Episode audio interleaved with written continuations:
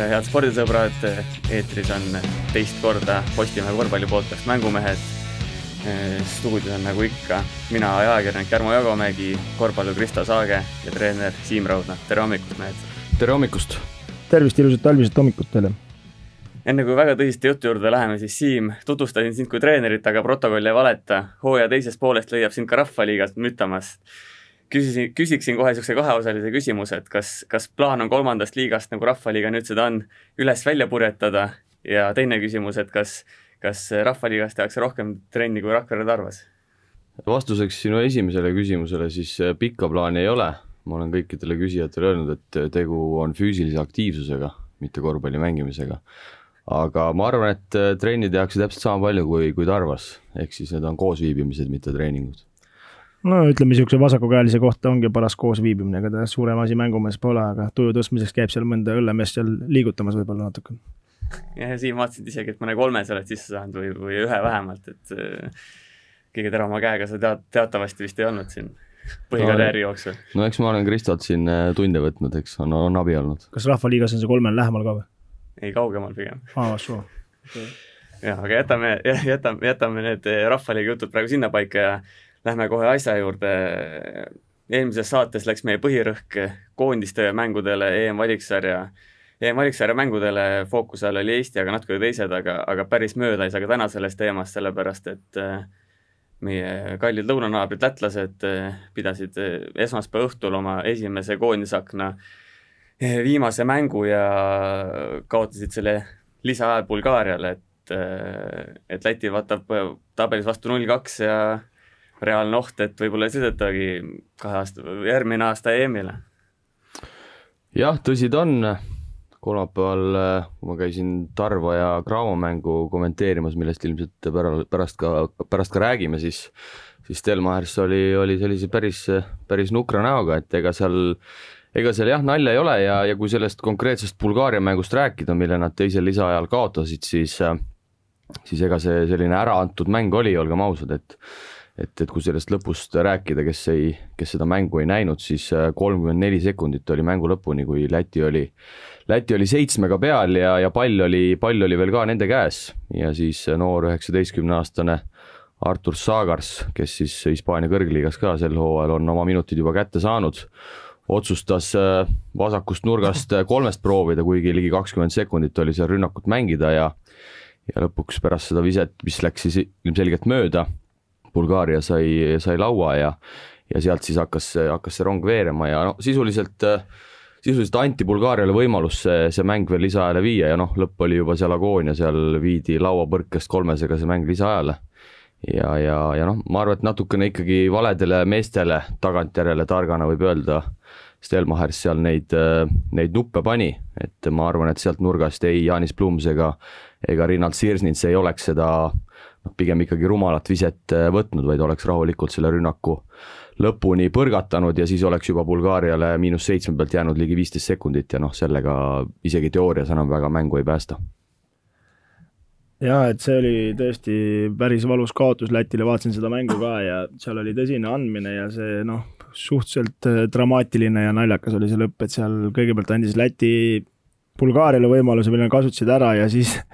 Bulgaaria sai kaks vaba viset, äh, kui ma ei eksi, esimesel lisaaja lõpus äh, ja mees viskas kahest null viigiseisul ja jäi seal kolm sekundit, siis veel Skele viskas oma väljaku poolelt sisse, aga kahjuks oli siis juba aeg läbi, et äh, jah, et ega seal Läti koondisel midagi rõõmustavat praegust pole, et ma ei kujuta ette, et point guard'id on neil kõik kadunud, et meie oma poiss Skele siit Craamost, et tema pidi point guard'i mängima, aga ilmselt see ei ole tema ampluaa, et ta ikka oli kaunis hädas seal, et millegipärast äh, Stelmachers ei andnud võimalust äh, vanameistritele Rinar Sirsistile, et ainult kaks minutit ja kaheksa sekundit ja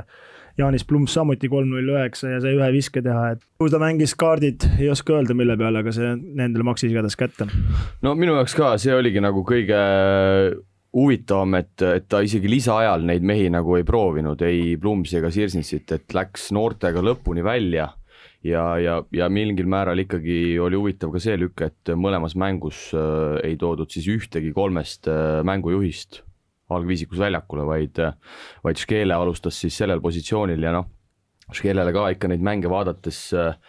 ikka meeldib ikka hirmsasti selle palliga põrgatada, et ta ei ole ilmselgelt mängujuht, et äh, Kalevis äh, võtab selle põrgatamise finaales enda peale, kes on selgelt ka teravam ja nii-öelda veidi loovam mängija, et, et ma arvan, et äh, Stelmachers, kes on ka Raamo eesotsas väga head tööd teinud see aasta,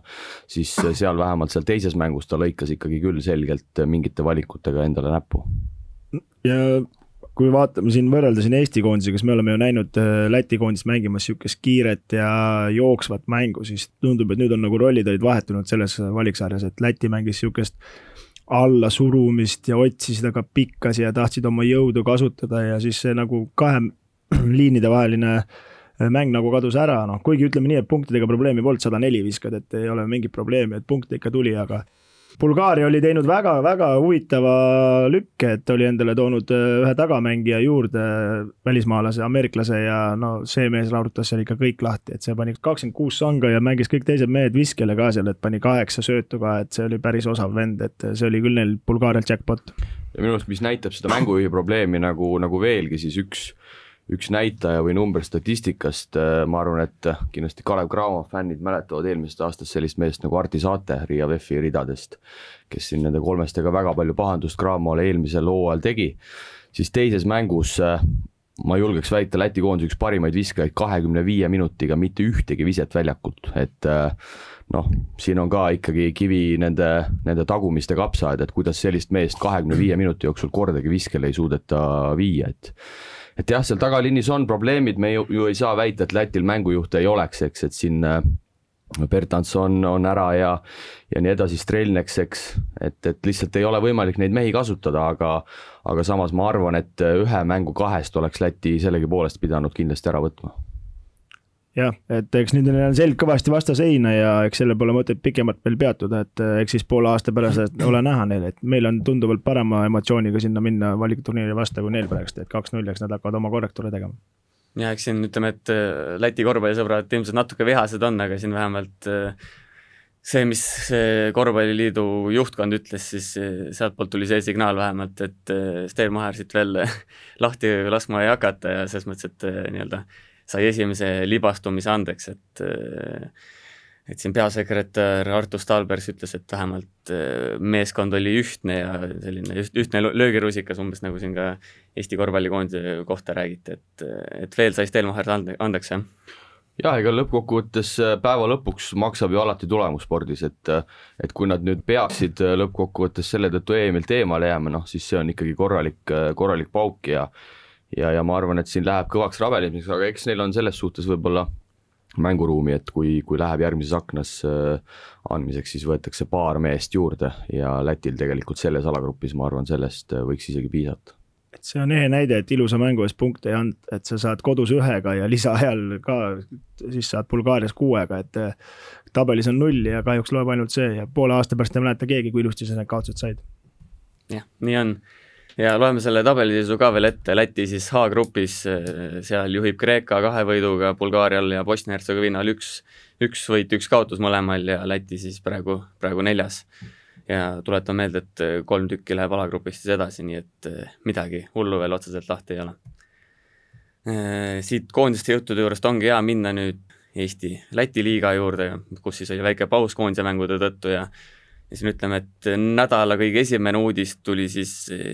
piirilinnast Valga-Valkast või õigemini nemad saatsid sellise lakoonilise sõnumi, et nemad, nemad ei mängi ja mis tähendas siis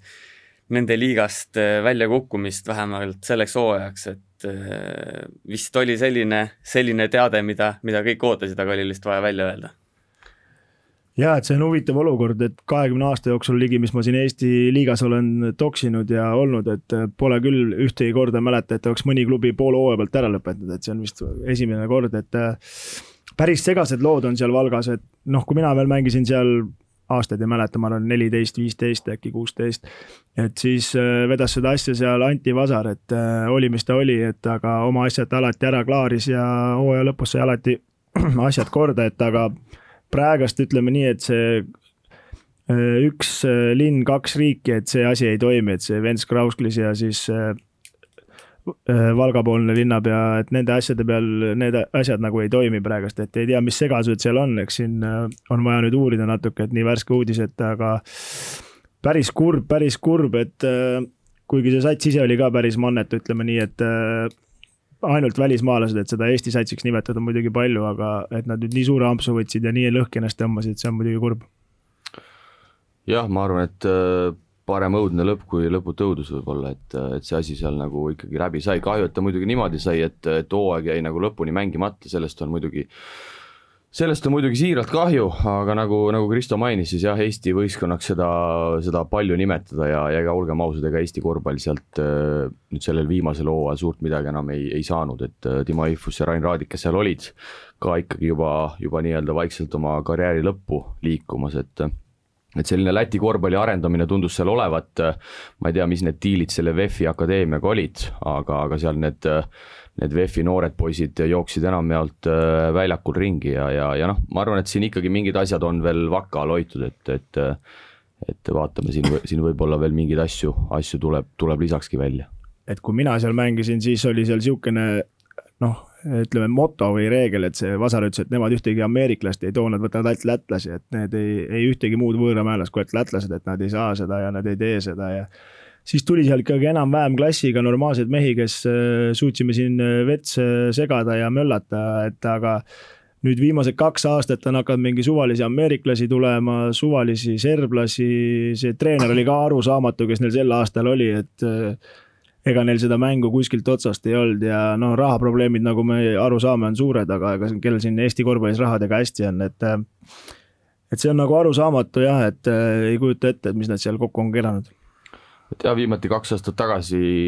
helgem, helgem moment oli, kui Kristaps Seits, noor lätlane sinna etteotsa pandi ja siis vähemalt mängulise poole pealt see asi, asi läks küll nagu selgelt, selgelt ülesmäkke ja tegelikult ju näidati ka väga sümpaatset korvpalli, aga aga nagu ma aru sain, miks Seidak, Seits sinna ei jäänud, oli ka, oli ka selles, et need klubi visioonid ja asjad ikkagi noh, ma ei tea, kas seal ei ole seda know-how'd ehk siis teadmisi piisavalt, kuidas seda asja ajada ja kuhu suunas liikuda, aga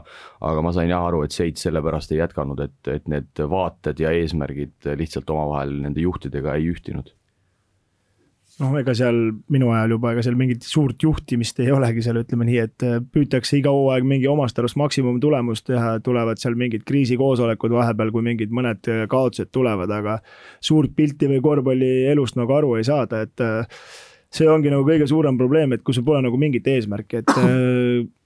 ikkagi ma arvan, sihukese suure klubi või noh, meistriliiga klubi eesmärk peaks olema noortele süstida motivatsiooni trenni tulla, kas sealt spordimehi tuleb, see on teine asi, aga aga seal siin mingit püramiidi midagi ei ole, et äh, kahju on Olle Ormis, kes kunagi Rakveres äh, lihakombinaadi ajal aitas kõvasti Rakveret ja nüüd Max ja Mooritsa juhina aitas ka Valga võistkonda kõvasti, aga nemad on ka seal Allain Karusega koos nagu natuke nagu petta saanud, võiks öelda, et äh, aga loodame, et jätkavad spordi toetamist ja kuskile ikkagi see raha läheb jah, et eh, ongi huvitav see, et ilmselt see know-how puudumine ongi tähtis märksõna ja võib-olla see ka, et natuke põlve otsas tehakse, et ma ise kirjutasin eelmine aasta veel loo sellest, kuidas kuidas see Riia VEF-iga seda koostööd alustatakse, tulevad seal Valgas ja Valkas mõlemad sellised spordiklassid, kus, kus korvpallurid tulevad kokku, et selles mõttes, et tundus, et justkui tahetakse mingisuguse pikema visiooniga asja teha, aga aga see hooaeg näitas, et see asi lagunes suht kiiresti ära ja võib-olla siis jah, nagu Siim ütles, et Läti korvpalli arendamine rohkem on ma isiklikult arvan, et eks tal juba eelmine aasta seal, see on mu arvamus, mul midagi, muidugi asju ei ole, aga seal oli juba eelmine aasta hapu, et püüti kuidagi veel päästa, et tooti need Läti noored, kes tulevad sul tasuta põrutavad ja mänguaja eest ja möllavad, aga kahjuks ei vedanud ka sellega välja, see serblaste hordid võtsid oma, oma jõu ja tulemust ei tulnud ja eks siis see asi lähebki nii nukraks. jaa, aga Kristo, sina ja Tarvas nii-öelda saite ühe nii-öelda raasukese endale sealt, sealt Valgast, kaheksateistaastane venelane, kui ma ei eksi, Filipp Kaf-, Kafurov, et eh, oled seda meest nüüd näinud juba ja mis, mis, mis mehega tegemist on? jaa, et trennis on ta meil toimetanud, et eh, noh, paberi peal on ta kõva kutt, aga eks siis ole nüüd näha, et ta pidi olema Venemaa omavanuste top kolm eh, prospekt, et aga noh, liha ja luud on tal muidugi vähe, et eks ole näha, Valgas ta oli niisugune mänguaega sai, aga ega seal midagi silma ei paistnud, aga noh, seal olid muidugi kõik nii pilla-palla ka need asjad, et vaatame, et äkki meie juures saame kuidagi taga ta paremini mängima panna, et eks ta mingi jõud meil ikka on, et iga inimjõud on meie jaoks eh, tähtis ja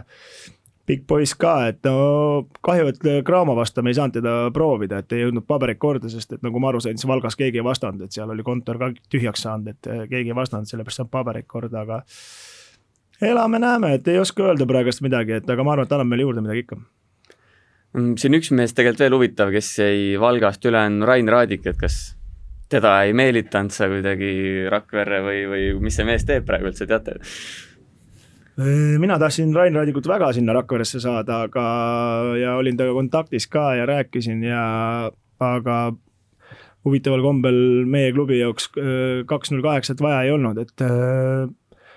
see on klubijuhtide otsus, et ega mängijad siin otsustada ei saa selles mõttes, et äh, treener, treener vastutab ja treener näeb seda pilti ja kui tema arvas, et see Kafurov on tema jaoks äh, parem lahendus, siis äh, eks elu näitab, et praegust ei oska öelda, et ega Raadik mingi imemees pole, aga kahju, kui Eesti korvpallis kaks null kaheksa mehed ära kaovad, et ega ta nii vana mees ka ei ole, et see tasemel, nagu ta on, et see tähendab jälle seda, et kui see mees ära kaob, see on jälle üks välismaalane juures, et see ülekaal hakkab päris suureks minema Eesti mängijatega võrreldes jah, siinkohal Kafurovit äh, mina suuresti ei, ei tunne, mul lihtsalt äh, on küsimus, et kui, kui sa, Kristo, mainisid, et ta on top kolm oma vanuses Venemaal, siis mis, mis ta seal Valgas tegi? Aga, aga see selleks, nüüd on ta Rakveres ja, ja ja no Rain, äh, ma olen sinuga nõus, kindlasti oleks teile, ma arvan, juurde andnud, sest Rain ilmselgelt noh, vast võib öelda, ei ole tegelikult kunagi oma statistikat taga ajanud, et et ma arvan, et oleks selline vajalik pusletükk olnud teile, et seal Lindmetsale ja ja, ja võib-olla ka Nietzschele mingil hetkel neid puhkuseminuteid, minuteid juurde anda, aga, aga Kafurov jah, siin on kas käsi kullas või, või seesamune mullas, et siin võib, võib anda positiivse lükke, aga samas ta võib teil selle mängujoonisega täitsa sassi ajada, et, et noor mees, ülemäära kogemust ei ole, ilmselt ta väga hästi seda teie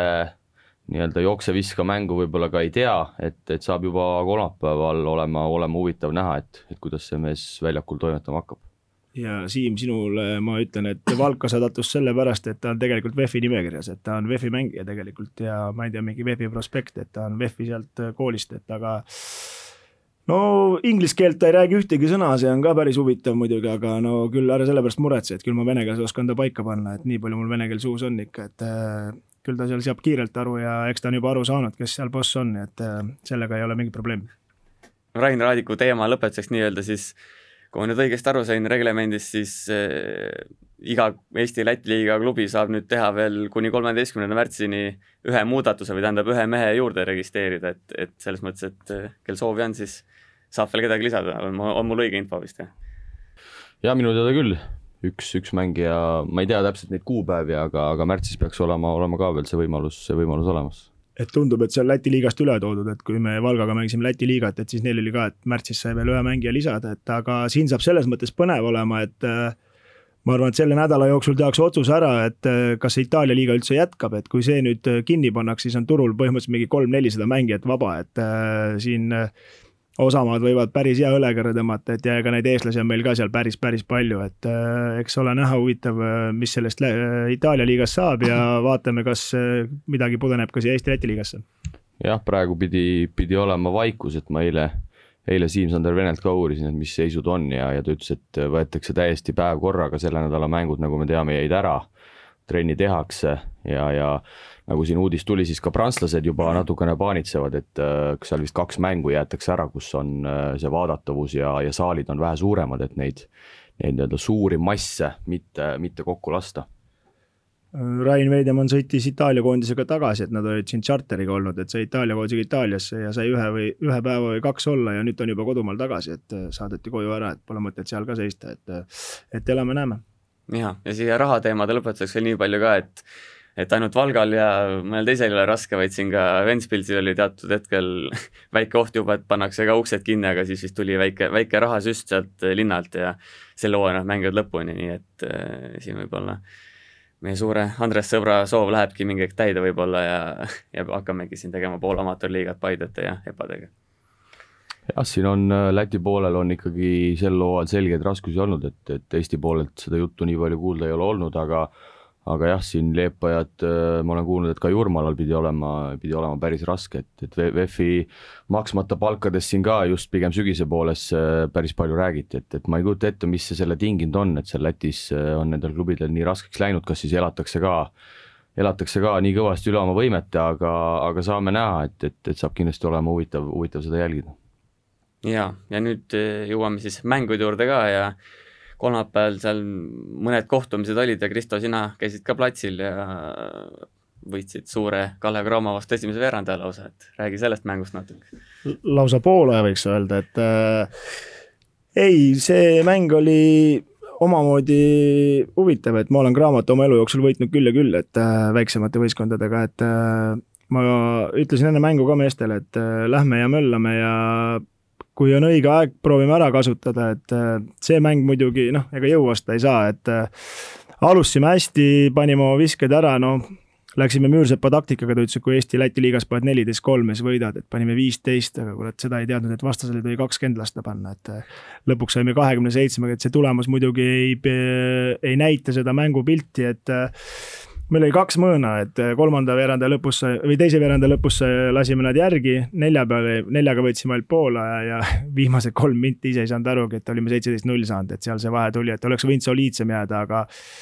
mäng oli küll ja tahtsime sellest Stelmachersi nädala ikka päris hapuks teha, et äh, koondisega kaks tükki ja endale ka veel ühe napsata, aga kahjuks ei õnnestunud ja mul oli au seda, seda mängu kommenteerida ja, ja algus oli päris peadpööritav, et Cramo äh, selgelt ei olnud selleks mänguks valmis, ega siin, ega siin muud öelda ei ole, et et Tarvas on küll hea sats, aga kolmkümmend kolm endale kodus lasta, lasta panna avaveerandiga on nagu ilmselgelt palju ja, ja seal tõesti, selles suhtes oli huvitav mäng, nagu Kristo ütles, et kolmkümmend viis kolme punkti viset kahe võistkonna peale, et sellist asja ka, sellist asja ka igapäevaselt ei mäleta, noh nagu, nagu öeldud sai, jõu vastu ei saa seitseteist ründalauda Kalev Cramole, et seal neljandal veerandajal, kui, kui see lõpus ka see spurt tuli, siis ikkagi toss oli, tundub päris korralikult väljas ja, ja Kalev Cramo mehed said ikkagi seal järjest jalad maas rahulikult panna, aga aga noh, ega uus mees on juures ja, ja ega seda ongi, ma arvan, hetkel vaja, et et eks Kalev Cramo on natuke teistel kiirustel toimetav võistkond ka, et Tartuga saab teil kolmapäeval olema võib-olla vähe lõbusam nojah, eks selle mängu juures ongi see, et nad tulid natukene koondise paus ka, seda oli arvata, et see võib neil natukene tuhhi maha võtta, neil palju mehed olid ära, eks. Nad tulid lonkima, tulid lonkima, me kasutasime kohe väga hästi ära ja kui nad oma kaitset natukenegi agressiivsemaks tegid, et siis meil hakkasid siuksed äh, vead tulema ja sisse niisugused kerged äh, pallikaotused ja lollid visked, millest nemad said enesekindluse ja kiiruse ja no muidugi müts maha, ega tühjas saalis ka pole kerge kakskümmend kolmest sisse panna, et äh, seal panid kõik, et Timmu pani kuus ja seesama Timmu, millest me rääkisime, kelle rahu oleks Itaalia mängus vaja olnud, et see seal toimetas need asjad meil ära, jah kuidas nende kolmestega on, et mängumehed ütlevad, et äh, laiskade korvpall natuke, kui paned, paned eemalt peale? ei no kui, kui vastane passib, pargib bussi seal kolme sekundi alas, siis ega kellelgi seal nagu üle hüpata ja lennata ei ole võimalik, et et ilusti liigutati äärde, äärest äärde ja, ja nagu Kristo ütles, siis Timmu pani seal, pani seal naelad seina, lisaks Raieste viskas väga hästi, et, et, et see on, oleneb kõik ju, kuidas kaitse mängib, et et no, ega me... nad, ega nad nii-öelda vägisi neid kolmeseid seal, seal ei punnitanud no me amatöörid ikkagi püüdsime selles mõttes äh, tugevamad äh, äh, uksed kinni neil panna ja jätta kõige nõrgema lahti, aga millegipärast me ikkagi ei saanud aru, et me jätsime alati vabaks Timmu, kes pani sisse, et esialgu proovisime väikese mänguaja Paasoja ja Kurbase peale, et las nad lasevad kolm, et püüame lauda kontrollida, et aga alguses nad ei pannud neid ära ja, ja aga me ei saanud lauda ka, nii et sellepärast see mäng seal niisugune, me oleks võinud seal kahekümnega ees juba pooleks olla, et ei tea, kas oleks võinud see päästa jah, seal mingi hetk vist olite pluss neliteist äkki oli kõige suurem vahe, et, et seal oli niisugust paari jälle momenti, noh, nagu ikka tagantjärgi on ju, on ju hea heietada, aga, aga ega jah, midagi selles suhtes suures plaanis äh, ikkagi tugevam võttis oma, et, et lõpus läks ikka päris raskeks. seda küll, jah. Kristo Puhk sportlikust huvist küsin, et siin viimastel hooaegadel Kalevil on olnud sellised pigem äh, üsna tuntud nimed Euroopas, kes taga toimetavad, see aasta natuke, natuke mees metsas, Kail Vinales, kes on väga hooaja teinud, et sa oled, saad nüüd väljakul ta vastu madistada, et mis, mis mulje ta nagu sulle jätab, kui, kui hea või kui, kui halb ta on? noh, selles mõttes, et eks ta laseb natukene üle, üle jala meil seda Eesti-Läti liigat siin äh, viiendast allapoole meeskondadega, et äh, noh, püüdsime mängus ka ikkagi finaalist rünnata ja tuleb endal leida sobivad mehed, keda rünnata, et need pikad on neil täiesti kaerad, võib ära öelda kohe, et nendega võibki mängida Eesti, see Läti liiga alumise viie võistkonnaga, et ei ole nad ei kaitses midagi, et no muidugi Lindmetsa vastu nad ründelauda võtavad, aga see pole ka nüüd mingi eriline näitaja, et äh, alguses me võtsimegi niikaua, kui Finke ja see teine Jones väljakule tulid, et äh, mängisime ainult sellega pikerolliga, meil mingit mängujoonist ei olnud, et mängisime ainult nendega pikerolli ja sealt kogu aeg tuli noh. ja me kasutasime need viskekohad ära, et äh, nendega on nad kõvasti alt läinud, nende pikkadega, et nendega nad suurt mängu ei mängi ja ma arvan, et see jätab oma jälje ka VTB-s neile, et aga Vinales on rünnakul väga osav mees, et äh, kaks mängu olen mänginud nüüd Rakveres oli ka noh, kahekümnega ka jälle võitsid, on ju, aga mäng oli ikkagi rohkem kui rubla eest, et seal ta pani päris raskeid niimoodi keskpositsiooni viskeid ära, et aga ma arvan, et ta on hea täiendus ja ta töötab endaga, aga nagu ta ka siin ennem on öeldud siin äh, ajakirjanduses Stelmacherist, ta peab oma kaitsega töötama ja noh, seal mängus ta muidugi oma kaitset ei näidanud. ja ma olen saanud aru, et et mehele nüüd ikkagi on kohale jõudnud, et, et kui ta tahab järgmist sammu teha, ehk siis kui me räägime konkreetselt tema karjäärist, siis äh, siis selleks, et a la liikuda seal võib-olla tugevamatesse VTB võistkondadesse, siis ta peab oma, oma kaitsemängu parandama ja peab seda ka mängudes näitama, mitte nii, et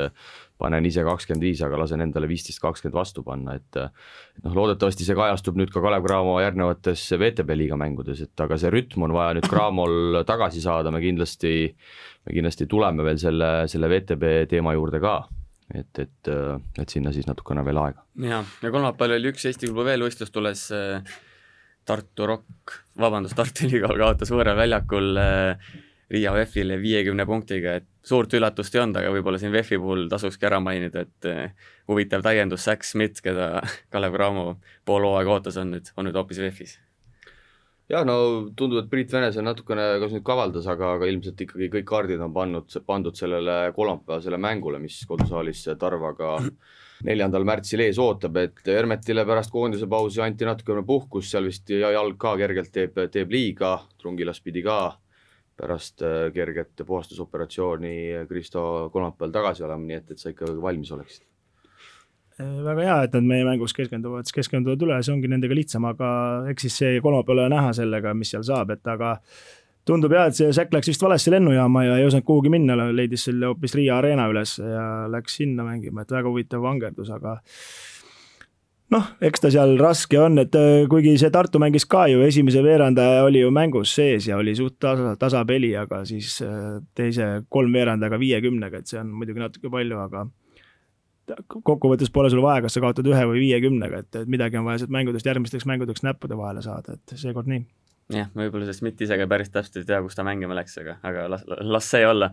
nädalavahetusel olid järgmised kaks mängu laupäeval siis ja Siim, sul oli jälle suur au ühte neist kommenteerida. Tallinna Kalev TLÜ võttis kodus, ütleme sellise kohustusliku võidu Läti ülikooli vastu üheksakümmend neli, seitsekümmend neli, mis, mis muljed jäid? no muljed jäid sellised, et kui Kristo ütles, et Cramo pikad on, on, on kaerad, siis, siis ega need Tallinna Kalevi äh, täiendused äh, oluliselt paremad ei ole, et äh, ma ei imesta, kui siin kui siin osad mehed võib-olla on juba lennukile ära pandud, et äh, aga kindlasti Buchanan tegi hea mängu, noh, siin sai ka ülekande jooksul öeldud, et et ega tal ju suuresti seal kedagi vastas ka ei olnud, aga sellegipoolest kakskümmend kuus punkti, kaheksateist lauda, viis söötu, viis kulpi, efektiivsusnäitaja viiskümmend neli. ma ei tea, kas keegi sel hooajal Pahvliigas üldse sellise numbri kätte ongi saanud, aga, aga ega Kalevil lihtne ei ole, et äh, siin pühapäevane telemäng juba Tarvaga tuleb ilmselt ka päris keeruline, sest et noh, nagu nagu Kristo ütles, kui nad Graamo mängus ründasid neid Graamo äh, pikki, siis äh, noh, ilmselgelt äh, leiab sealt Tallinna Kalevi meeskonnast ka neid nii-öelda target mängijaid, ehk siis sihtmärke, sihtmärke üles, aga Kalev oma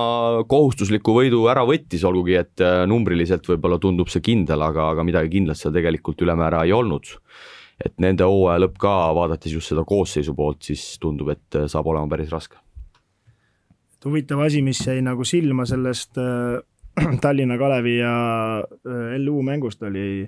number kakskümmend kuus, Juan Johnson, neli minutit ja kaheksa sekundit mängis ja selle ajaga suutis miinus seitseteist väljakul korraldada, et nelja minutiga miinus seitseteist, no ei olnud vastas Kalev Cramo, et me suutsime ka kolme minutiga Cramole miinus seitseteist anda, aga see on ikkagi päris palju, et äh, no Tallinna Kalev pole oma rütmi saanud, eks neil on äh, käinud siin jälle siin igasugused äh, mängujuhtide vahetused, kellest mängujuhtidest oleneb ju väga palju, ütleme võistkonnast, et äh, kuidas nad selle dirigeerib ja selle meeskonna mängima paneb, mis tunnetusega on, et Tanel Sokk kõigepealt lahkus, siis tuli Maseika, juba hakkas jälle asi minema, siis tulid tal oma perekondlikud probleemid jälle vahetus, et ega seda musta meest mängujuhina mängima panna on ülikeeruline, ütleme nii, et võtad siin lätlase või eurooplase, et need on ikkagi rohkem võistkonnamängijad, aga aga eks neil on omad mured, Buchanani najal nad suuresti püsivad, et äh, see tegi suuri asju jälle ja eks siin äh, Jurevitsus ka muidugi tegi jälle hea mängu, et näitas oma mänguklassi, et neid algus äh, vedas neid kõvasti, et seal Läti ülikool päris hoogu üles ei saa, et aga Läti ülikool ongi niisugune ebameeldiv sats ja lühike sats ja noh, visked neil ei kuku, siis nad said ikkagi päris vabalt seal panna, aga kui visked ei kuku, siis kahjuks niisuguse võistkonna vastu võita ei saa. no kindlasti kindlasti Maseika lahkumine, mida Kristo mainis, äh, ma arvan, kõige, kõige raskemini on seni, seni äh, Tallinna Kalevile mõjunud, et äh, ta oli lisaks sellele, et ta on väga hea kvaliteediga mängija, ta, ta kindlasti ka sellist vaimset poolt andis sellele võistkonnale kõvasti juurde, et seal vahepeal ohjeldada emotsionaalset Karl-Juhan Lipsu ja, ja Ran Pehka mäng ka, ma julgeks öelda, on, on natukene võib-olla langustrendis tänu sellele olnud, et et muidu hästi palju vastaste tähelepanu läks leedukale ja teised mehed said ka natukene vabamalt nagu, nagu toimetada, aga, aga nüüd need konspektid on seal ikkagi sassi läinud ja, ja ma ei imesta, kui Müürsepp siin selle räägitud Johnsoni asemel hakkab kasutama seal, miks mitte isegi neid Keila noori poisse, et kui sa ikka nelja minutiga teed viis pallikaotust ja, ja nagu Kristo ütles, miinus seitseteist sinu väljakul oldud aja jooksul ja sa oled legionär, mitte, mitte kohalik mängija. noh, siis siin ei ole nagu midagi, midagi rääkida ja et juba oli ka Läti ülikooli mängus seda näha, et äh, Mario Paiste sai kõvasti mängida ja kolmkümmend kaks minutit väljakul, et ma arvan, et ta pole see aasta nii palju olnudki, et äh, seda võitu oli hädasti vaja, neil on selg vastu seina, et äh, aga põnev igal juhul saab ka TalTechi ja Tallinna Kalevi mänge vaadata siin nüüd põnevusega, et kahjuks ju ainult seitse võistkonda meil alles on ja kuus saab play-off'i Eestis, et see on ka põnev võitlus seal, et oli veel üks mäng oli meil veel, et Ventspils ja Rapla mängis, et Rapla seal viskas vist nagu, mängu ei näinud küll, aga viskas arvatavasti hästi esimpoolega, et äh, viiskümmend, nelikümmend viis võitsid, aga Ventspils tundus, et oli seal endas ikka päris kindel, et lõpuks kahekümnepunktiline võit, aga kõik mehed mängisid kakskümmend minutit, et seal mingit rabistamist ei olnud. jah, siin Kalevi jutu jätkuks veel, Siim, seal selline huvitav mees on ka pingi peal või pingi otsal kuskil nagu Ivo Van Damm, kes siis ei ole vist üle kolme aasta nüüd mänginud, et nagu mina olen aru saanud, siis ta trenni on kõvasti teinud ja kangi tõstnud ja nii edasi, aga aga mäng, mänginud ta ei ole tõesti pikalt, jah? ei ole tõesti seda meest, äh, ma ei teagi, viimati äkki Tartus vist võis ta olla Gerd Kullamäe käe all. Äh, ja pärast seda ta oli korra Kalev Cramos minu teada, siis tal see põlv läks uuesti. ta on siin äh, korralik treenimise maailmameister viimastel aastatel olnud, et noh, loodetavasti see keha ikkagi lõpuks peab vastu ja, ja miks mitte ta ei võiks sealt Tallinna Kalevist nüüd vaikselt, vaikselt pihta hakata no tundub, et klubijuhid tahavad seda Müürsepast ikka kõike välja võtta, et toovad veel ühe mehe juurde, et kaks kuud hooaja lõpuni, et veel keerulisemaks seda rotatsiooni teha ja tema taset nagu proovile panna, et mitte, et tal kerge oleks, aga noh, ainult mis ei tapa, teeb tugevamaks, et Martinile edu jah, olgem ausad, siin nagu rääkisime ka, ainult ühe mehe saab veel nii-öelda rosterisse juurde tuua, et et kui nüüd need kaks, kaks välismaalast läksid, läksid ka puusse siin nagu, nagu võib järeldada, siis ei, ei ole väga lihtne seis, aga, aga on siin ennegi Eesti, Eesti liigas nähtud, kus siin võib-olla kuue, seitsme, viie mehega saab ka imesid teha, nii et päris maha ei saa Kalevit ikkagi kanda, ma arvan. nii, Euroliigat mängiti ka eelmine nädal jälle ja juhtus, juhtus nii mõndagi, et äh, et alustaks võib-olla Kaunase Žalgirisest, kes, kes vaikselt jälle tüürib, tüürib ülespoole ja teeb oma väikseid imesid, saadab korda, et äh, sel korral saadi jagu siis Milano Armanis, kes, kes võib-olla ei ole ka mänginud oma taset sel hooajal välja, aga, aga, aga selles mõttes, et on ikkagi ohtlik vastane jah, nagu nii peatreener Jassikevitsus kui ka Ulanovas äh, pärast mängu ütlesid, siis kaugeltki mitte nende mäng ja, ja mitte hea mäng, eks, et et lasta ikkagi üheksakümmend seitse endale panna, Žalgirise mäng, nagu me teame, ikkagi pigem algab kaitsest ja, ja nemad kedagi, kedagi liialt tihti siin liigas üle ei viska, sel korral see läks õnneks, ise paugutasid sada viis,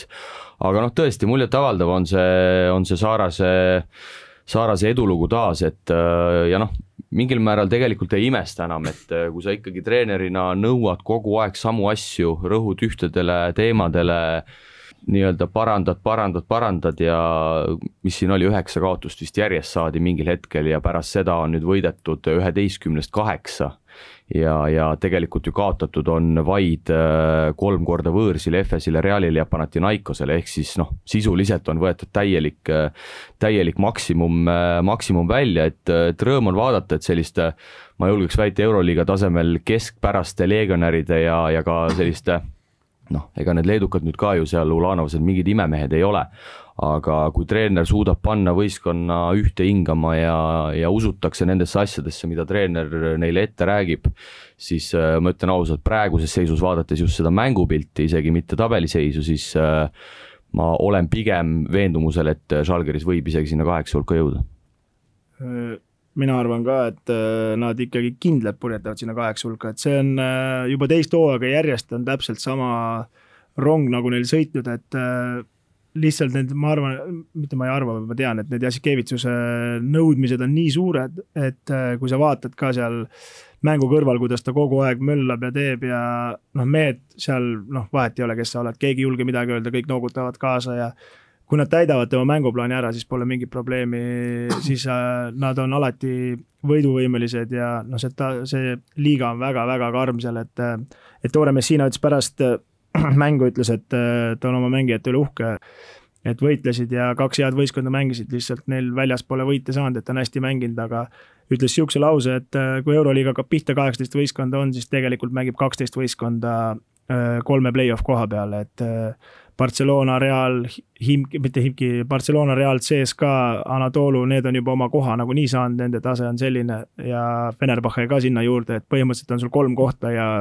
kaksteist, kolmteist võistkonda, et see on päris karm. ja samas OAL äh, tundus, et äh, Armani võiks olla ka see hooaeg selline kindel play-off'i nõudle, Siim ühes teises podcast'is minu arust arutasime ka, et äh, et seda nimekirja on, treener on, tegelikult see mingil hetkel see vormikõver oli päris hästi üles neil viimasel ajal alla läinud, et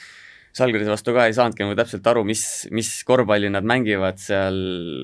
päris palju selline üks-ühele kaitses põleti, ma ei tea, siin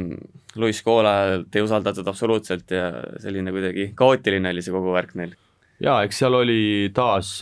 noh, see niimoodi tundus mulle kõrvaltvaatajana, et et Jassikevitš oli, oli pannud selgelt plaani paika, et olgugi, et Rodriguez lõpuks viskas kaheksateist punkti ja, ja andis kaheksa söötu, aga kogu Žalgirise idee oli ikkagi sellel, et Rodriguez'e käest see pall ära võtta, et et olgem ausad, ega seal ju ülemäära selliseid loojaid rohkem ei ole, see Kiefer Sykes või mis iganes ta on, eks noh, tegi ka tegelikult okei okay mängu, aga, aga tema ikkagi ju pigem loob neid olukordi endale. Aga ega seal ka tundub, et äh, mingid probleemid on sees, sest äh, Aaron White, kes siis äh, ka siin paar aastat tagasi Žalgiris mängis ja ja poole hooaja pealt Hispaania liigasse Tenerifesse lahkus, siin ka ühes intervjuus ju tõi välja, et et, et on natukene keeruline seal Milani meeskonnas osadel meestel mängida, et leedukas Arturas Kudaitis ka keskmängija, kes siin põlvevigastusega väljas oli et ka tema ei ole pärast seda vigastust tegelikult oma, oma rolli leidnud, et et ei tea, mina ka pakkusin neid ikkagi sinna kaheksa hulka, just vaadates treenerit, seal on Škola kõva kogemusega ja nad ju tegelikult alustasid ka hooaega väga hästi. aga ega vigastused ei hüüa tulles, neil on päris palju probleeme ka selles liinis olnud, et, et aga, aga ma arvan, et neid ei tasuks veel maha kanda, muidugi nüüd tuli uudis, et Rodriguez, kes kõik, kes mängu nägid, sai seal vigastada, et koguni kaks vigastust oli vist saanud, et oli seal, oli seal vist reie ära tõmmanud ja hüppeliigest väänanud, et kui see mees sealt dirigendi rollist nüüd ära kaob, noh siis ma arvan, et võib Armanil ikkagi suures plaanis kriipsu peale tõmmata. Suure tõenäoliselt jah, et kui sealt Rodriguez ära võtta, et kes on ikka müstiline, selle meie mängu vaadata on nagu lust, et milliseid olukordi ta loob seal ja kuidas selle palliga ringi käib ja mis kiirustel, et tema see dirigent on, et kui sa selle ära võtad, siis ei saa need Mitšovid ega, ega need rollid enam oma viskeid ja siis ongi juba, jääb sihuke sümboolne tampimine, et äh, loodame, et tal selle vigastusega suuri probleeme pole ja ta on juba tagasi sel nädalal. ja, ja siin ütleme sellele play-off võitlusele käib päris tihe andmine, et siin kahe, kuuendast kaheteistkümnenda kohani on äh, kolm võitu vahet, seitsmendast kaheteistkümneni on ainult üks võit vahet, et et äh, siin, siin võib põhimõtteliselt kõike juhtuda veel, veel nende meeskondade seas ja siin ütleme, et Fenerbahce, kes siis on äh, natuke sarnase mustriga sel hooajal Schalgerisega tulnud, et äh, paistab, et nemad ikkagi imevad ennast ka sinna play-off'i lõpuks ära, et siin viimases voorus saadi, saadi Valenciast võõrsil jagu, kes, kes Valencia on siis ka tegelikult ka veel seal play-off'i kohal praegu, nii et, et selles mõttes, et et vist ikkagi ei jää välja see Obradovitši meeskond. jah, ega, ega mine sa tea, selles suhtes, et see tõesti, tulles selle tabeli juurde, siis, siis päris, päris, päris äge on see värk, et saab olema ülimalt huvitav jälgida vist nüüd, kui ma ei eksi, viimast kaheksat vooru, et nüüd on meil topeltnädal tulemas, homme hakkavad juba, juba mängud pihta, kindlasti pärast me saame nendele magusamatele paladele ka pilgu peale heita, et ma, ma ei oleks nii kindel, et see Fenerbahce sinna, sinna jõuab, et, et vaatame, seal ikkagi on nii võrdsed need võistkonnad ja, ja nagu sa ütlesid, Imki on praegu, jagab seal seitsmendat kuni üheksandat, kaksteist, neliteist, eks, ja siis on seal veel tegelikult ju Baskonia, Zvezda on kümme, kuusteist, et ka täielikult veel, veel mängus sees, et võib-olla seal alates Albast, Asvelist, Bayernist ja Zeniidist võib vaikselt ilmselt hakata, hakata mingit jämedamat äh, joont tõmmata, aga, aga noh, saab olema jälle ülimalt huvitav topeltnädal. Euroliiga ja on üldse niisugune liiga, et see on väga põnev, et seniit, ütleme, keda, kes oleks, muidugi tahtis kõrgemalt lennata, keda meie Graamo on siin kaks korda loputanud, et nad on ka ikkagi seitse võitu saanud, et seal see koduväljaku eelis on ikka nii tähtis ja nad äh, suudavad seal ikkagi, kuigi seniit on just väljas võitnud, aga, aga see on põnev ja eks siis pärast vaatame need nädala eelvaatuse üle. ja kui siin veel tipu poole vaadata tabelit, siis äh, huvitav on ka see, et eh, Moskva CSKA-d ähvardab reaalne oht esinelikust välja jääda, ehk siis see tähendaks, et nad ei saa koduväljaku eelist play-off'is ja ja nad hakkavad kõvasti kaarte segama, sest lähevad ühe, ühe tipuga vastamisi siin potentsiaalselt, et kaotus Barcelonale võis, võis selles osas päris palju, päris palju tähendada ja ega ma mäletan, et kui me sinuga ühes teises podcast'is siin hooaja alguses neid asju arutasime, siis ega, ega ma ütlesin ka, et, et CSKA koosseis tegelikult sel hooajal pärast nüüd Will Clyburni vigastust ka veel seda enam. No ei ole selline tegelikult, mis äh, noh, ma nüüd ei väida, et nad ei saa edukad olla see aasta, aga aga see, et nad on seal viiendal positsioonil, okei okay,, see võib-olla on kerge üllatus, aga samas äh, ma ütleks minu jaoks mitte midagi nüüd fenomenaalset, et see viimane mäng äh, Barcelona kodus, noh, see oli ka jälle suurepärane vaatamisväärsus, aga aga ega seal seda kvaliteeti nüüd, nüüd nii hirmsasti ka ei ole ja Mike James ikkagi noh, kuidas öelda, jälle see käsi kullaseks, seesamune mullas, et äh, seal ka Ituudisega noh, meie neid telgitaguseid ei näe, aga ma kujutan ette, et seal on korralikud sõjad juba peatreeneriga Jamesil maha peetud ja tegelikult ju Barca mängus äh, me nägime seda ka time-out'i ajal, et no ei olda seal ikkagi mingitel hetkedel hetkedel ühel lainel ja, ja noh, Barca vastupidiselt siis on ju täielikult komplekteeritud äh, seda liigat võitma, et kui nemad seda, seda sarja sel hooajal ära ei võida, siis on see ikkagi täielik altminek. Ja et ma arvan, et nädalamäng oligi Barcelona CSKA, et äh, see mäng oli ikka päris hullumeelne, et äh, Mike James seal äh, ebaõnnestus mitu-mitu korda järjest ja mängiti ikkagi viimane rünnak tema peale, ta pani kolmes ära ja viigistas seisu ja no siis muidugi Miroditši personaalne niisugune oskus, no neil ei olnud väga lihtne visata viielt-kuuelt meetrilt tagasi hüppelt, et aga pani ära ja ja tõi selle võidu ikkagi Barcelonale, et millegipärast äh, kahtlustan ka, et Real Madrid ja Barcelona on praegust ennast äh, võidu relvastanud nii kõvasti, et äh, nende vahel seal peaks hakkama, aga noh, play-off on play-off ja Final Four on Final Four, et me oleme isegi näinud, et seal ei ole midagi kindlat. Ja, ja suveräänne, suveräänne valitseja on sel aastal ikkagi siiamaani põhiturniiril Anatolia FS ja said siin üheteistkümnenda võidu järjest vist, et paistab, et nende põhiturniiri võitu vist ei väära, kui siin midagi väga katastroofilist ei juhtu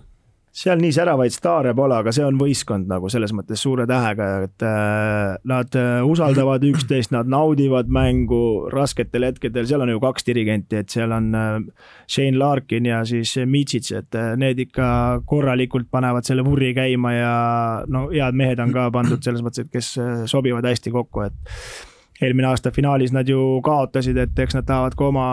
see aasta nagu võita ja nad on enamus võistkonna sama jätnud ja toonud mõned täiendused, mis on ka hästi sobinud võistkonda, et need mängivad küll väga võistlikult, et see on nagu niisugune võistkond, mis on nagu tõesti nagu nii ühte sulandunud. ja ongi, et kui võib-olla CSKA-s James ikkagi ajab seda oma asja nagu ka hästi palju taga, siis siis FS-il Larkin, nagu Kristo ütles, on dirigent, aga ta on küll, on ka selline dirigent, kes äh, ikkagi noh, kui vähegi võimalik, teeb ka kaaslasi paremaks, et aga üks number, mis mulle muidugi eile eile statistikat vaadates silma jäi Larkini kolmest protsent viiskümmend üks ja saja viiekümne kolmest viskas seitsekümmend kaheksa sisse, et kui me siin Eestis räägime headest viskajatest, siis äh, Euroliiga kiiruste juures sellise visete arvu juures äh, omada sellist kolmeste protsenti, no noh, päris, päris müstiline ausalt öeldes, tegelikult äh, tulles üldse selle juurde, siis kui vaatad neid Euroliiga mänge, ega vabalt äh, naljalt nagu mööda ei visata, et see, see tase Euroliigas on läinud nii kõvaks, et ma arvan, et need esimesed viis, ütleme, seal CSKA-l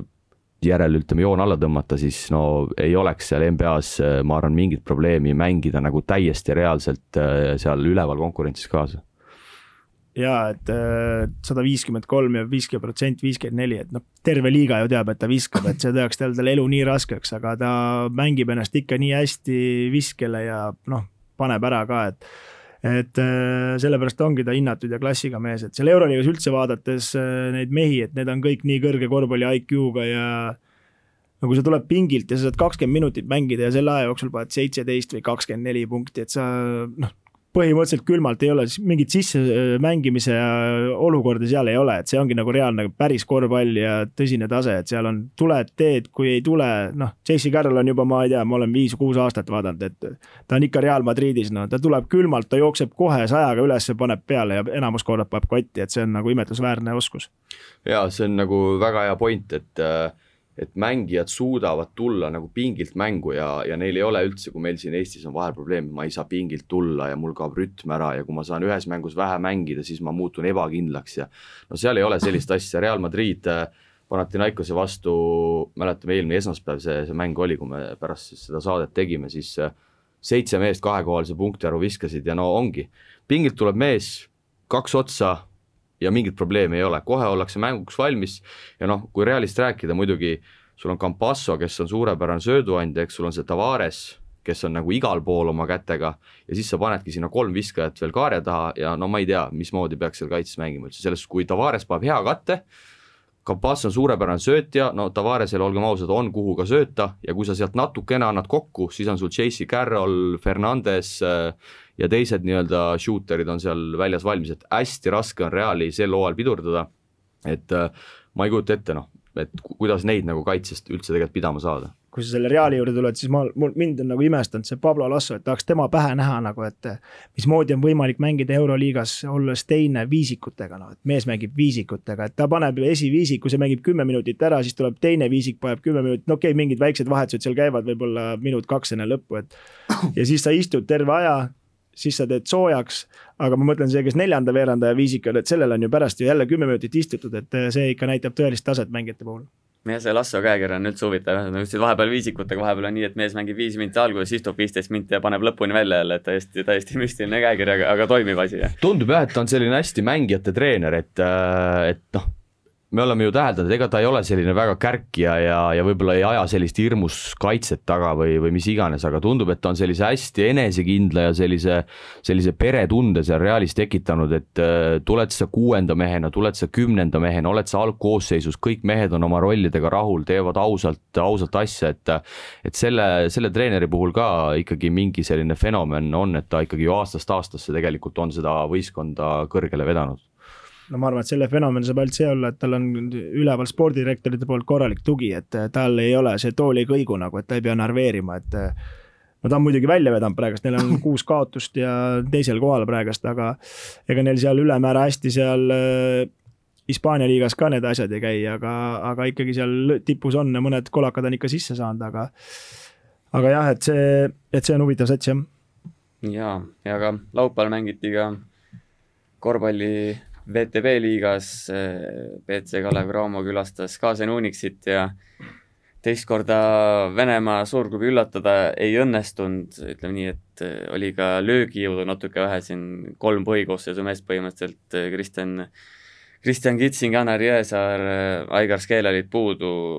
numbriliselt oli täitsa viisakas mäng lõpuks tabloole vaadata, seitsekümmend kuus, kaheksakümmend seitse kaotus, aga ega seal reaalset võiduvõimalust ei tekkinud ikkagi jah, kui ma, kui ma käisin seda kolmapäevast Graamo ja Tarva mängu kommenteerimas, siis ausalt öeldes pärast lõpuvilet küll ülemäära sellist optimismi minus ei olnud sellele laupäevasele mängule otsa vaadata, teades, et ei Kitsing, Jõesaar, sel hetkel ma küll Skele mittemängimisest ei teadnud, aga aga jah, ega oli, oli arvata, et seal raske on, sest olgem ausad, esimeses mängus ju Suurhallis äh, Unixit võideti ja, ja sellised asjad äh, suurklubidele jäävad meelde ja ja no venelased tulid äh, ikkagi hoopis teise häälestatusega, noh muidugi palju seal neid venelasi on, eks ka suuresti mäng ikkagi baseerub ameeriklastel. aga jah, seal võimaluse poega väga ei, väga ei antud Škele ka lõpuks seal pidi mingi põlveprobleem olema, et, et tema jäi siis ka sellest mängust eemale, et aga ma arvan, et seal oli ka mõningaid positiivseid asju, et äh, kaheksateist ründalauda, Martin Paasoja kakskümmend kaks minutit, kaheksa punkti, üheksaga plussis tema väljakul oldud aja jooksul ainus mees, kes siis jäi pluss-miinus näitajaga plussi, et et võib-olla kui me eelmist, eelmises saates rääkisime Rait Rivalanest, et ta ei ole koondises võimalust saanud, siis ma tõmbaks Paasojaga selles suhtes paralleeli Kalev Cramoga, et et mina arvan, et seda meest äh, võiks proovida, okei okay,, ma saan aru, Stelmachersil on pinge peal, peab tulemust tegema, eks ju, omad valikud on vaja teha, kõiki mehi mängitada ei saa, nagu Real Madrid seda teeb. aga Paasoja tegelikult ju reaalselt VTB tasemel ei ole meil seni veel võimalust saanud isegi ennast näidata. Ja Paasoja juurde tulles võtaks mütsi maha selles mõttes tema ees, et äh, ta tuleb, ta saab, enamasti saab mingi suvalisel hetkel teisel poolajal, äh, aga ikka tuleb ja möllab ja teeb ja tahab ja et, äh, et see on nagu positiivne, et tal pole see mott maha läinud ja ta ikkagi üritab, et aga Cramo mängu juurde tulles, et äh, teisel veerandajal andsid ära selle, et kaheksa minti oli veel teise veerandaja lõpuni, olid ühe punktiga maas ja lõpuks kaotasid poole kahekümnega ja sinna see rong läks, et ülemäära enam noh, kontrollis ikkagi täielikult mängu see Unix, aga noh, neil on seal Jõesaar, Kitsing on ikkagi nii suur ja Skeel on nii suur inimressurss meie jaoks, et äh, Kitsingu kolmesed ära võtta, et ega meil sealt korvi alt nüüd nende Joneside ja nende kaeradega midagi ei tule, et äh, kui kolme ära ei pane, siis äh, ma tahaks, et Cramo leiaks selle tuhhi uuesti üles, et neil praegust on küll nool alla, et neil on vaja see kiiresti üles leida, kui nad tahavad mingit VTB ühisliiga Äh, play-off'i kohast unistada, et äh, tabel on väga tihe ja ütleme, et äh, üks mäng on siin ainult Kuban Lokomotiiv, kes neil üle jõu käib, aga väljas on palju mänge ja peavad siin ikkagi, ma loodan, et nad jõuavad play-off'i, aga nad peavad kiiresti oma tuhhi uuesti üles leidma. ja ütlesid, et siin Jones ja Finkega kaugele ei purjeta, aga selles mängus läks ka ikkagi vanameister Kristjan Kanguril üsna aia taha nii, nii kaitses kui ka rünnakul, et, et seda on teada, et ta rünnakul on siin jäänud karjääri jooksul tunduvalt passiivsemaks ja selliseks ettevaatliks, ettevaatlikumaks, aga, aga kaitses ka, ka sel, sel, sel korral hästi välja ei tulnud, et kuulus Alex Taius keerutas ta vastu päris lihtsalt seal paar korda, et et äh, ei ole hullu, aga, aga selles suhtes, et äh, natuke jäi, jäi, jäi kapt-, kaptenilt ka puudu, jah kurat, Jarmo, sa tahad ka ikka jube palju saada, et sa tahad, et ta tooks veel tassiks äh, Unixi vastu ka võidule, et äh, hea, et see Niidi vastu kaks võitu tuli, et need on juba boonused, et äh, ära sa nüüd nii palju ka vanameistrilt taha, et ikkagi, kui tuuakse legionäre, siis me peame neilt neid asju tahtma, et ta on ikkagi asendamatu mees seal meil Kalev Cramos, et praegust ma arvan, jäigi selle Jõesaare ja Kitsingu taha nagu rohkem, et Skelet me suudame veel lappida, aga Jõesaart ja Kitsingut me praegusel hetkel kahjuks Cramos lappida ei suuda jah, ma kordan võib-olla veel kord seda oma mõtet, mida ma võib-olla kuskil mujal olen ka välja öelnud, et, äh, et ei maksa alahinnata seda, kui palju Kristjan Kitsing seda Crao mängu nagu laiali tõmbab, et äh, et ta annab teistele meestele oma nii-öelda hea viskekäega sealt seda ruumi niivõrd palju juurde, et ma arvan, et, et kui, kui Kitsing on puudu, ma arvan, et see on kõige kõvem isegi vast löök äh, Cramole, et aga jah, kui siin Kristo sellest tabelist juba juttu tegi, siis ega, ega siin ei ole vähem põnevam kui Euroliigas, et et äh, eile siis äh, või oli see laupäeval äkki, Nižni Novgorod võttis äh, Kubani kodus ära, et ka kindlasti Kalev Cramole mitte just kõige parem uudis, et et hetkel ikkagi kohad viiendast äh, üheteistkümnendani on noh, ikka ülimalt tihedad, Parma on seal viies, kaheksa, kümme, siis on seitsme võidu kümne kaotusega on koguni neli meeskonda ja siis tulevad äh, Stelmet, Cielona, poolakad tulevad seitse, üksteist ja Kalev Cramo siis ka seitse võitu, üksteist kaotust, et äh, et lähi, lähimängud saavad olema ülimalt olulised, pühapäeval mängitakse Nur-Sultanis, Kasahstani pealinnas siis Astanaga, et, et juba see mäng saab olema ülimalt oluline, ma sain aru, et äh, kõik kolm vigast ikkagi peaks olema pühapäeval pühapäeval juba Graamo rivis ja, ja siin on ilmselt äh, oodata tänasel päeval ka uudiseid mõningate täienduste osas Kalev Cramos, et, et kindlasti, kindlasti saab olema, saab olema huvitav, huvitav mäng ka pühapäeval ja, et ma arvan ka, et eks äh, oleks see elu ja surma peale mäng olnud, oleks see Kitsing ja Jõesaar ja Skele kõik need vormid selga tõmmanud, aga vaatades reaalset pink, pilti, et ega sinna Kaasanisse polnud mõtet äh, minna ja ennast lõhkuma, et pikk hooaeg veel selles mõttes kaks kuud on ees ja tähtsad mängud on tulemas veel. Ja, ja selle Unixi mängu lõpuks seal ütleks võib-olla nii palju, et baasaastal juttu, aga ka Sander Raies tegi ühe selle hooaja, ma arvan, parema mängu, et äh, loodan väga, väga tõsiselt, et see mees nüüd sai siin koondiste mängudega ja selle Unixi, Unixi purakaga, kus ta korralikult mütata sai seal sellist enesekindlust juurde, et äh, potentsiaali ja keha ja kõike seda on, et, et nüüd hooaja lõpp kõvasti põrutada ei, ei, ei võiks, ei peaks olema üldse mingi probleem, arvestades, et siin korvialusel see aasta ta on pigem neljapäeval mänginud, et seal korvialuses võitluses on tal, on, on tal ruumi seda mänguaega teenida küll ja vajadusel ka kolme peal. Mulle ka tundub, et, et kas nüüd see koondise paus või need koondise mängud sellist head energiat Sandrile juurde andsid, sest et tõesti, ta oli, mis mulle meeldis, et see kehakeel oli nagu Unixi vastu teistsugune, kui, kui ta võib-olla eelnevalt on olnud, et võib-olla oli see tingitud ka sellest, et Jõesaart ei ole seal ees, et äh, nii-öelda need minutid äh, tulevad vähe kindlamalt ja sul ei ole võib-olla kuklas vasardamas seda mõtet, et kui ma eksin, et siis ma olen kohe pingil. aga noh, tõesti seal lõpus ta pakkus ka päris äh, ilusa pealtpaneku, et see ka näitas, et see, see nii-öelda mindset oli nagu päris hea, et kaksteist punkti, kaheksa lauda, okei okay,, numbrid numbriteks, aga aga ma olen selles osas sinuga täiesti nõus, et, et ta on nüüd tõusvas joones, vaadates ka neid koondise mänge liikumas ja loodetavasti see rütm nüüd püsib, sest et noh, nagu me oleme siin ka ju juba jõudnud rääkida, siis potentsiaal on tegelikult tohutu ja et äh, ma arvan, et see koondise paus äh, mõndadele mängijatele tuleb kasuks, äh, üldiselt kellel nii hästi ei läinud, et siin oma mindset'i ma arvan, kõige rohkem peab üles leidma Stelmachers, et see natukene liimist lahti siin, et pärast Unixi mängu ütles, et pärast koondise pausi esimene mäng, et tal läks vist meelest ära, et ta vahepeal Tarvaga mängis, et loodame, et see, saavad selle hea tunde ja see treener suudab selle uuesti selle võistkonna sama tuhhiga mängima panna ja siis võib veel ilusaid asju juhtuda. jaa siit lähmegi siis sujuvalt äh, üle selle nädala mängude peale, et äh, võtamegi selle Kalev Cramo, kes juba korraks jutust läbi käis, pühapäeval kohtutakse võõrsil Astanaga, sõna otseses mõttes äh, konkurent, rivaal, võitude arvestuses sama pulga peal Kalevil üks kaotus rohkem, et et see on nüüd selline mäng, mis tuleks ikkagi võita, kui, kui play-off'ist tahta unistada ülioluline mäng, ülioluline mäng, ma arvan, et üks võtmemänge Kalev Cramol sel hooajal, kolm järjestikust kaotust on nüüd võõrsil saadud pärast seda seniidi üllatusvõitu. Ja, ja kui nüüd peaks peaks pühapäeval kaotus tulema, siis on kodus Lokomotiv Kuban, et kodus kaheksaga Astanad võideti, aga ma tuletan meelde, et Astana kodus, nagu me teame, ajavahed, kõik jutud, pikk reis, mängivad äh, väga hästi, et sisuliselt äh, ma vaatasin, et sel hooajal nad vist on paar mängu seal kodus kaotanud ja need ka ainult äh, suurtele, Himkile kaotati vist kolmega, CSKA-le kahekümnega ja vist jäädi alla ka Nižni Novgorodile paari punktiga, et noh, kindlasti tuleb ülimalt raske mäng, sest et seal on põhiliselt ameeriklased, neid on päris keeruline skautida, Kasahstani meestest seal ei ole haisugi. Et, et ma tõesti loodan, et saadakse nüüd need vigastatud mehed rivvi ja, ja, ja kindlasti on sealt vaja see võit ära võtta. Ja et Astana mäng on neile väga oluline tabeli sees mõttes, okei okay,, natuke on veel parandamisruumi, et neil on kuus mängu jäänud ja ainuke raske on veel Lokomotiiv Kuban, et ülejäänud on kõik, kellega nad play-off kohale võitlevad ja siin saavad ka Tsemoki Minskiga viimase mängu teha võõrsil, aga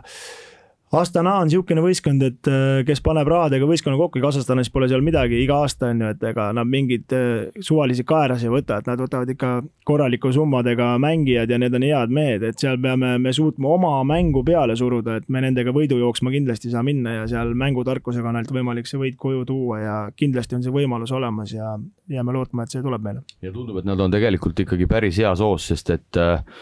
eile võitsid nad võõrsil Jenisseid, me teame ju, et äh, ka Krasnojarskis ei ole tegelikult lihtne mängida, et äh, sealt võeti üsna kindel neljateistkümnepunktiline võit. enne seda, nagu ma mainisin, kodus vaid kolmega Euroliiga meeskonnalt Timkilt, et, et seal Astana on ka vahetanud mõned legionärid välja nüüd võrreldes selle Graamo kodumänguga, et et saab olema raske, mis siin salata, aga, aga Stelmachers on tegelikult ju näidanud eelkõige hooaja alguses, et ta suudab, ta suudab neid õigeid lükkeid teha ja loodetavasti need õiged lükked siis äh, eeloleval pühapäeval ka tulevad. jah, see ühisliiga kalender on tegelikult päris huvitav Kalevi jaoks, et see Astana mäng on kuues järjest võõrsil mängija, nagu Kristo ka ütles, siis see lõpp on selline, kus on nii-öelda palju kohustuslikke võite vaja võtta, kui kui tahta play-off'i koha eest võidelda, et et selline üsna pingeline hooaja lõpp on tulemas ja veel nii palju siis ka, et spordisõbrad maha ei magaks, siis äh, ajavahe tõttu pühapäevane mäng, Graamo mäng Astana vastu algab juba Eesti aja järgi kell üksteist, nii et äh, pange äratuskellad valmis ja ja elage kaasa. aga mängitakse ka koduses äh, liigas, Pahv liigas kõvasti kossu ja ütleme nii, et siin nädala jooksul on päris, päris palju tähtsaid mänge nii mõnegi võistkonna jaoks, sellepärast et hooaja, hooaja lõpp on kätte jõudnud ja iga, iga, iga punkt ja, ja iga korv on põhimõtteliselt juba arvel, et et siin kohe hakkame kolmapäevast peale Tartu Ülikool, Rakvere, Tarvas, et mis saab? jaa, ma Risto kohe küsiks, et äh, oled juba skautingu lehed kätte saanud, et kolmapäeval Tartuga ja pühapäeval telemäng äh, Tallinna Kaleviga, olen mõlemal mängul sulle saalis kaasa elamas, et, et äh, olete valmis? No eks ma pean seal tõestama sulle, et ma ikka nii kehva ei ole, aga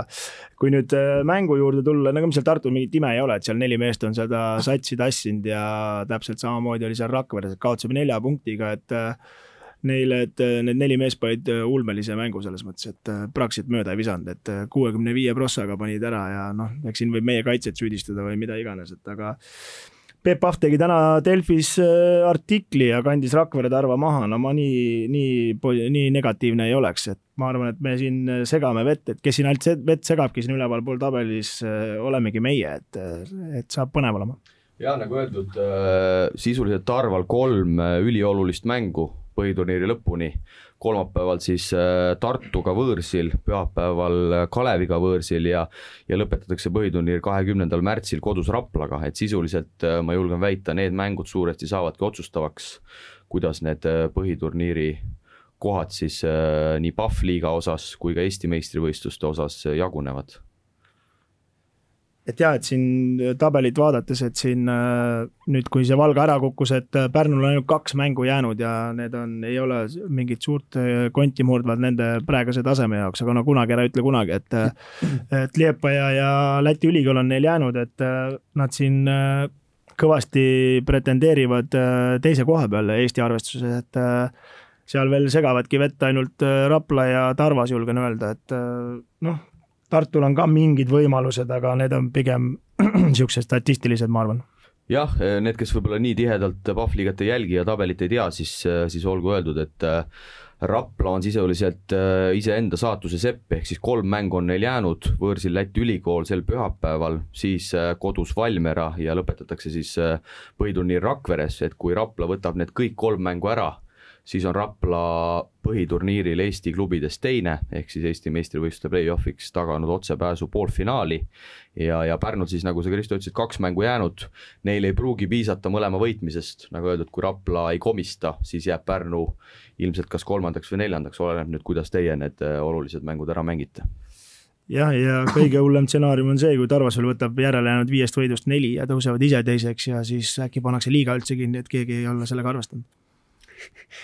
aga Risto, kuidas tundub, julged lubada, et eh, jääte ikkagi sinna Eesti-Läti play-off'i piiri peale püsima, et Tartut ei, see on kindel, see on kindel, et äh, esikaheksast me välja ei kuku, et siit noh, kolmapäeval ongi selles mõttes tähtis mäng, aga küll me siit kuskilt mingid võidud veel saame, et päris ma ei usu, et viis-null siit ka tuleb, et ei ole see Jurmala mingi imesats ja Tallinna Kalev ei ole mingi imesats ja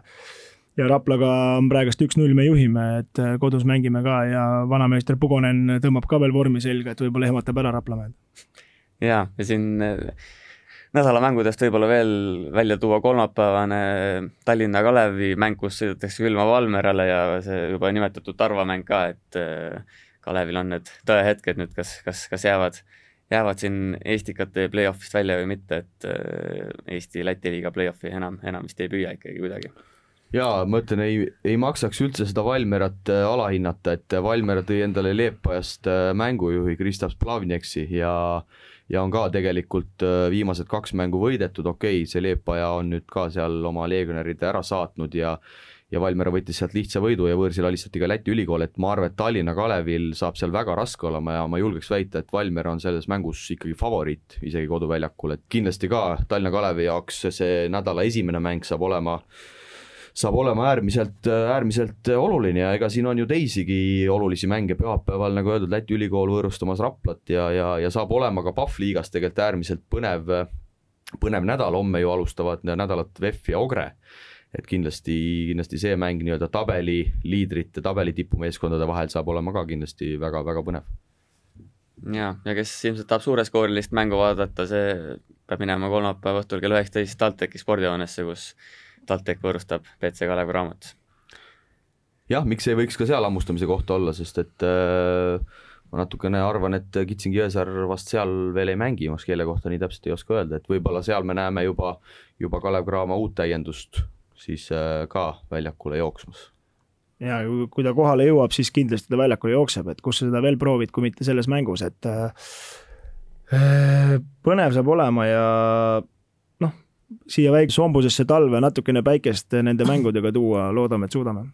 ja et praegu ütleme nii, et hakatakse vaikselt tibusid jagama, et kõik liigad liiguvad põhiturniiri lõpupoole, tabeliseisud on, on põnevad, play-off mängud ootavad meid varsti ees, nii et tundub, et äh, meil, meil tööpuudust karta ei ole. ja siin selle Pahvliga tabeli juurde tooks veel ühe niisuguse näitaja, et äh,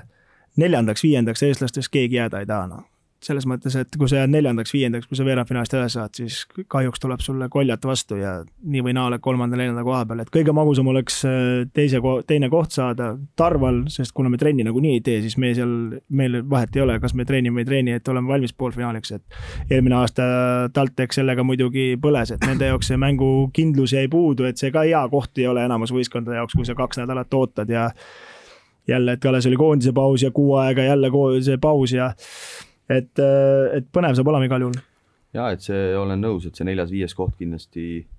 kindlasti ei ole, ei ole nüüd hea, noh, vaevalt, et keegi seal nüüd midagi sättima hakkab ja, ja, ja meelega selle pärast kaotama hakkab, aga aga jah, kui sa Cramoga ikkagi poolfinaalis kokku saad, siis, siis äh, tõmmatakse sul seal tekk peale ja, ja sisuliselt poolfinaaliga sul see, sul see asi peaks seal läbi saama. keegi sättima muidugi ei hakka ja Tarmo jaoks see muidugi mingi katastroof ei ole, kui nad peaksid äh, kuidagi sinna jõudma, aga aga kindlasti on see katastroof või no ütleme, katastroofilähedane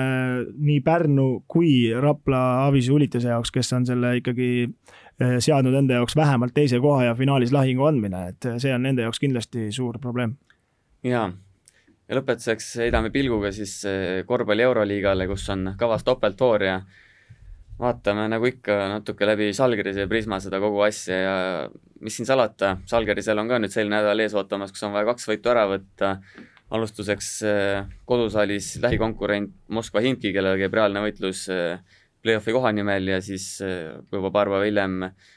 tabeli punane latern Peterburi seniit, kelle vastu kindlasti ei tohi juba kaotada, tõsi, võõrsil mängitakse, aga, aga ikkagi jaa, kindlasti kõikide korvpallisõprade abikaasade õudusunenägu on ees ootamas, ehk siis topeltvoor teisipäevast reedeni Euroliiga korvpalli. Ja, ja, ja nagu sa mainisid, tõesti juba homme siis, siis Žalgiris Imki ja, ja Imki ka ju tegelikult äh, korraliku kolaka pani koduplatsil Asvelile viimases mängus ja Aleksei Šved nädala mängija äh, kui ma ei eksi, äkki kakskümmend neli punkti, kolmteist söötu, et, et äh, kindlasti lihtne olema ei saa, aga nagu me siin saate esimeses pooles rääkisime, siis kui mängitakse, mängitakse sellist korvpalli, nagu viimastes voorudes on mängitud, siis äh, ma ikkagi arvan, et et Žalgiris täitsa sel nädalal kahest kaks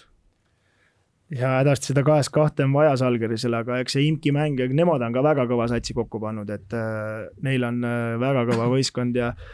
kuigi seal ütleme, dirigent Swedi kaudu see rohkem käib, et sel mehel on kõik lubatud, et kuidas tal tuju on ja kuidas ta kaaslaid üles leiab ja kuidas nad sisse viskavad, aga no küll Jassikevitsusel on plaan ka, kuidas teda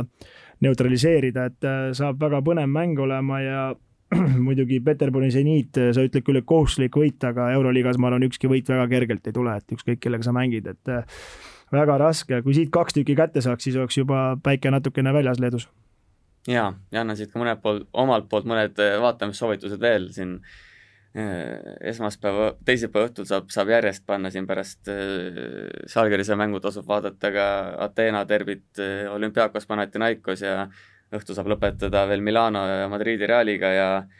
ja kolmapäeval siis Tel Avivi, Maccabi, Anatolia FS ka veel selline kindlasti maiuspala, aga aga häid mänge leiab iga päev no tabeliseisu koha pealt on väga-väga kõva nädal, ütleme, Salgerisel ja teistpidi on Himkil. Salgeris mängib, Himki mängib kõigepealt Salgerisega võõrsil ja siis mängib kodus Fenerbahcega, et äh, see on see, seal need, need neli võistkonda või kolm võistkonda tähendab nüüd omavahel hakkavad seda ühte play-off kohta jagama, et need on mõlema jaoks väga tähtsad äh, tabelis ja üldse mängud. ja Panathinaikos ka jah, kindlasti äh, seda play-off kohta rihib ja, ja siin lugesin ühte intervjuud äh, Panathinaikose peatreeneri Rick Pitinoga, et et selline väga, väga otsekohene peatreener, ameeriklane on, et, et ütles selgelt välja, et meil on selgelt nõrgem võistkond kui eelmisel aastal, oleme nõrgemad nii kaitses kui lauavõitluses, et nende eesmärk on igal juhul see play-off koht kätte saada, aga aga jah, selline huvitav huvitav sõnavõtt, et sisuliselt andis mõista, et meil midagi nagu sel hooajal püüda ei ole, et, et selline huvitav signaal, et ma eeldan, et mängijad ka nagu loevad neid asju ja ja, ja minu hinnangul see, see asi nii, nii hull ei ole seal Panathinaikose koosseisus, et kui sa vaatad ikkagi tegelikult neid mängumehi on seal, on seal, on seal kõvasti, aga, aga samas õiged pointid äh, korvialuses võitluses, laovõitluses, nagu ta mainis, ikkagi Reali vastu jäädi selgelt hätta, see Tavares, olgem ausad, tegi seal eelmisel esmaspäeval, mida ta ise tahtis. Ja ühe huvitava sõnavõtu võttis veel, ta ütles, et tal on ainult kahte võitu veel vaja, sest ta on kindlasti play-off'is, et tema arvab, et kuueteist võiduga on kindel play-off'i sats, et äh, elame-näeme jah, ja siin nende Kreeka klubide lõpetuseks võib-olla, et terve hooaeg nad on selliseid päris kõvasti puid alla saanud ja kriitikat, aga aga praegu tabelit vaadates on mõlemad on väga heal positsioonil, eriti sai olümpiaakos siin hooaja eel kriitikut, kriitikat, aga nemadki on nüüd, nüüd vaikselt üles trüginud ja see, ütleme, et Maccabi vastu ka ühe punkti kaotus oli väga valus, et muidu oleks nemad ka juba seal play-off'i piiri peal. no siin muidugi tuleb vaadata ka seda, kellega mängida on, et kui sa vaatad olümpiaakose kaheksale mängule otsa, siis äh, siis midagi rõõmustavat siin väga, väga vastu ei vaata, mitte et ma väidaks, et, et, et neil ei oleks võimalik kaheksa hulka jõuda. aga no olümpiaakos on päris palju mänge ikkagi sel hooajal ka juba, juba ära andnud ja, ja samamoodi see koosseisu vahetus, Spanulis vigastatud uued mehed, siis mingid keelud liiga poolt, et nad ei saa nii-öelda mängijaid lisada, nüüd seal küll ma sain aru, Euroliiga poolt tehti jälle mingid muudatused, et, et võeti nii-öelda seda, seda pinget pinget maha, aga, aga noh, minu jaoks ikkagi on olümpiaakose hooaeg seni vähemalt olnud, olnud pettumus, et, et tegelikult see koosseis ja need välismaalased on seal täiesti korralikud, aga nagu ma olen ka eelnevalt öelnud, siis liiga kauaks on see võistkond jäänud Spanulise keskseks, et iga asi, iga hea asi saab ka alati, alati otsa eks ta nii ei ole, aga see olümpiaakose juurde veel tulles, et äh, eks neil hakkas juba eelmise aasta lõpus seal imelikult hapuks minema, et see otsus, et nad ei läinud kohale Kreeka liiga mängule, et äh, ma arvan, et selle jälje on jätnud neil ka see, et nad Kreeka liigat ei mängi, et ainult euroliigat, et äh, ma ei tea, võid hea mees küll olla, aga kuskil ikka tahaks seda mängulist võitlust ka saada, et see kolmkümmend kuus mängu ainult Euroliiga, et kuskil mingeid asju treenida, treida, et eks see on ka mingi oma jälje jätnud, et et äh, aga kui keegi imesid teeb, siis see on olümpiaakos läbi aastate Euroliigas teinud, et eks ole näha. jaa, ja sellega ongi hea meel siit meie teisele saatele joon alla tõmmata, kuulake meid jälle järgmisel nädalal, kui kavas on uued korvpallijutud. head korvpallinädalat! ja jälgime Kossu ja oleme rõõmsad!